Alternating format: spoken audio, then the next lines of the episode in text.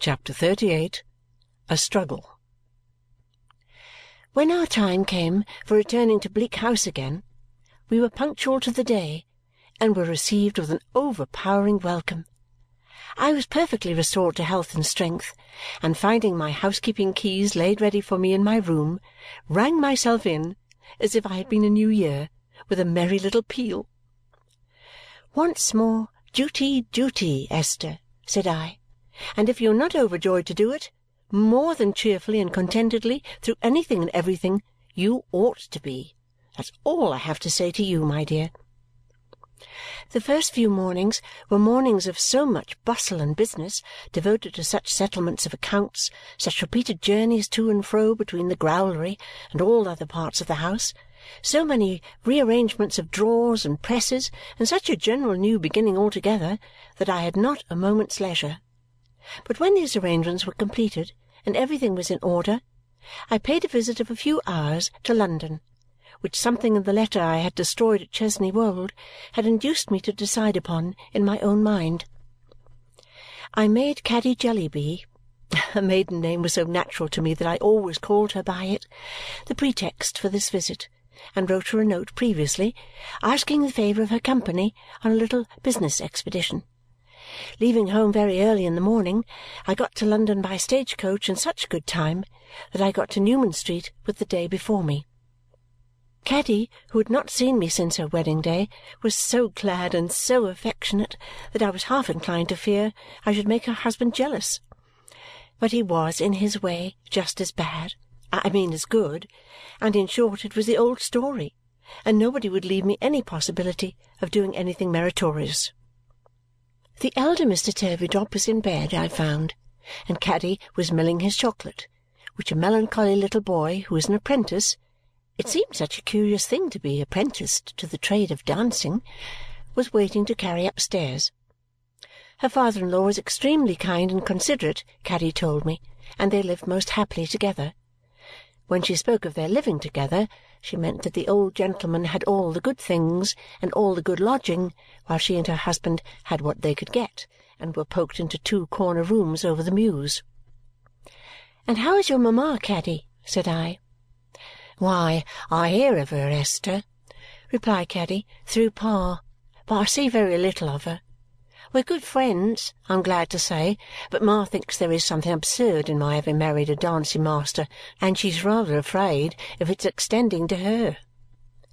It struck me that if Mrs. Jellyby had discharged her own natural duties and obligations before she swept the horizon with a telescope in search of others, she would have taken the best precautions against becoming absurd but I need scarcely observe that I kept this to myself.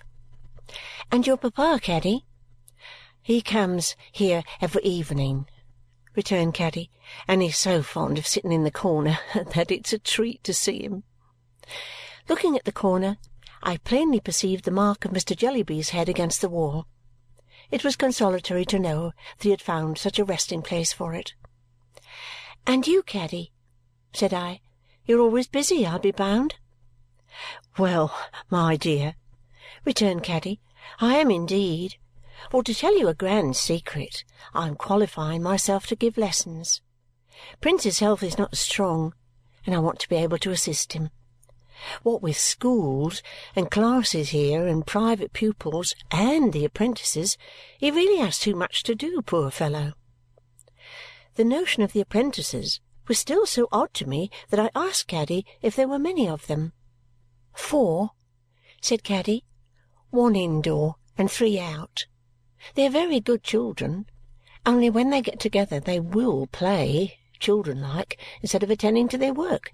So the little boy you saw just now waltzes by himself in the empty kitchen, and we distribute the others over the house as well as we can." "That is only for their steps, of course," said I. "Only for their steps," said Caddy. In that way they practise, so many hours at a time, whatever steps they happen to be upon. They dance in the academy, and at this time of year we do figures at five every morning."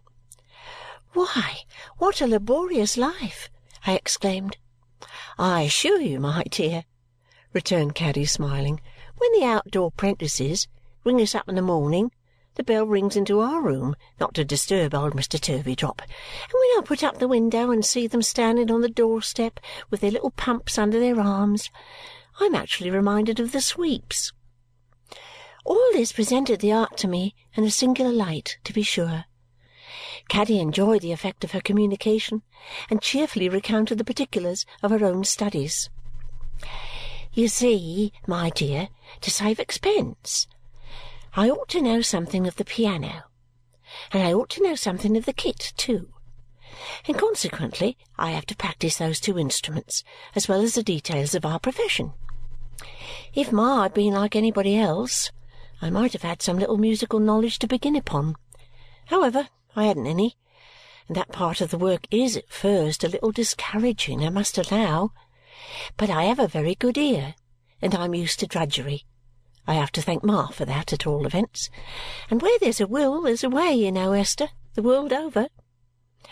Saying these words, Caddy laughingly sat down at a little jingling square piano and really rattled off a quadrille with great spirit then she good-humouredly and blushingly got up again, and while she still laughed herself, said, "Don't you laugh at me, please, that's a dear girl!" I would sooner have cried, but I did neither.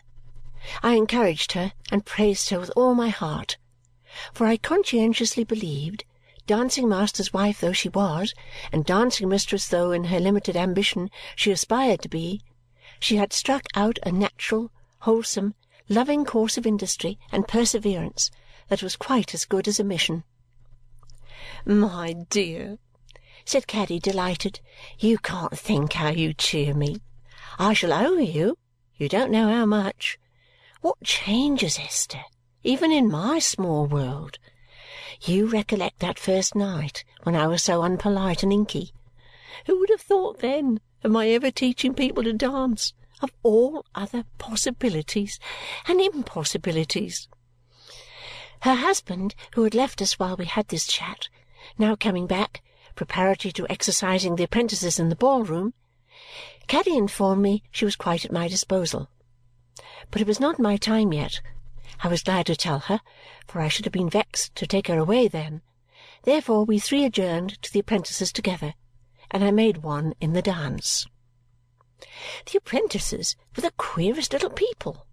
Besides the melancholy boy, who, I hoped, had not been made so by waltzing alone in the empty kitchen, there were two other boys and one dirty little limp girl in a gauzy dress.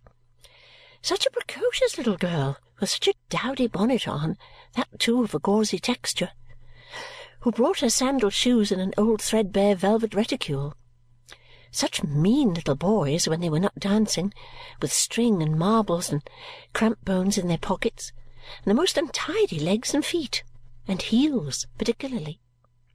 I asked Caddy what had made their parents choose this profession for them. Caddy said she didn't know. Perhaps they were designed for teachers, perhaps for the stage. They were all people in humble circumstances, and the melancholy boy's mother kept a ginger beer shop.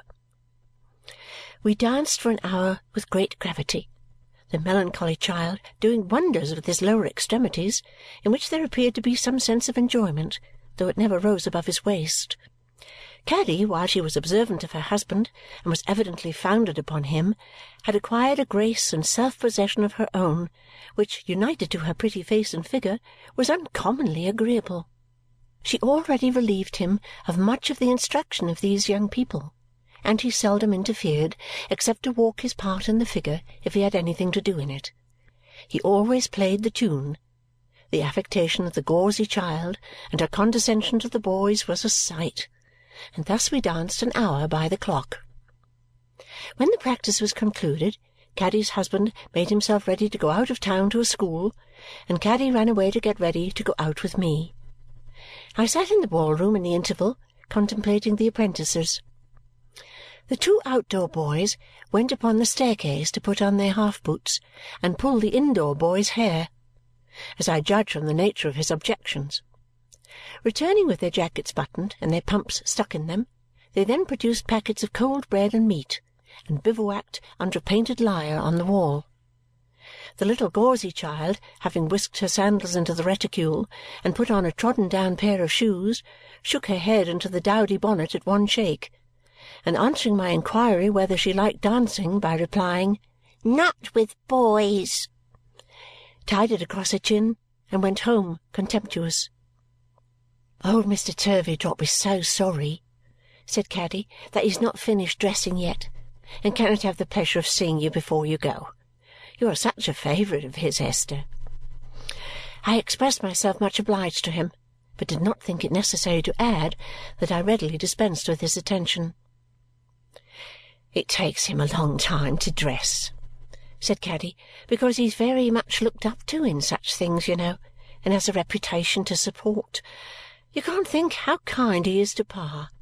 He talks to Pa of an evening about the Prince Regent, and I never saw Pa so interested. There was something in the picture of Mr. Turveydrop bestowing his deportment on Mr. Jellyby that quite took my fancy. I asked Caddy if he brought her papa out much. "No," said Caddy, "I don't know that he does that. But he talks to Pa, and Pa greatly admires him, and listens, and likes it.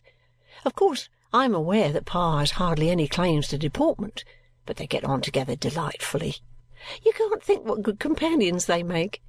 I never saw Pa take snuff before in my life, but he takes one pinch out of Mr. Turveydrop's box regularly and keeps putting it to his nose and taking it away again all the evening. That old Mr. Turveydrop should ever, in the chances and changes of life, have come to the rescue of Mr. Jellyby from Borrioboola Gha appeared to me to be one of the pleasantest of oddities. As to Peepy, said Caddy with a little hesitation, whom I was most afraid of, next to having any family of my own, Esther, as an inconvenience to Mr. Turveydrop, the kindness of the old gentleman to that child is beyond everything. He asks to see him, my dear. He lets him take the newspaper up to him in bed. He gives him the crusts of his toast to eat. He sends him on little errands about the house. He tells him to come to me for sixpences. In short," said Caddy cheerily, "and not to prose, I am a very fortunate girl and ought to be very grateful. Where are we going, Esther?" "To the Old Street Road," said I, "where I have a few words to say to the solicitor's clerk, who was sent to meet me at the coach office on the very day when I came to London and first saw you, my dear. Now I think of it, the gentleman who brought us to your house." "Then indeed I seem to be naturally the person to go with you," returned Caddy.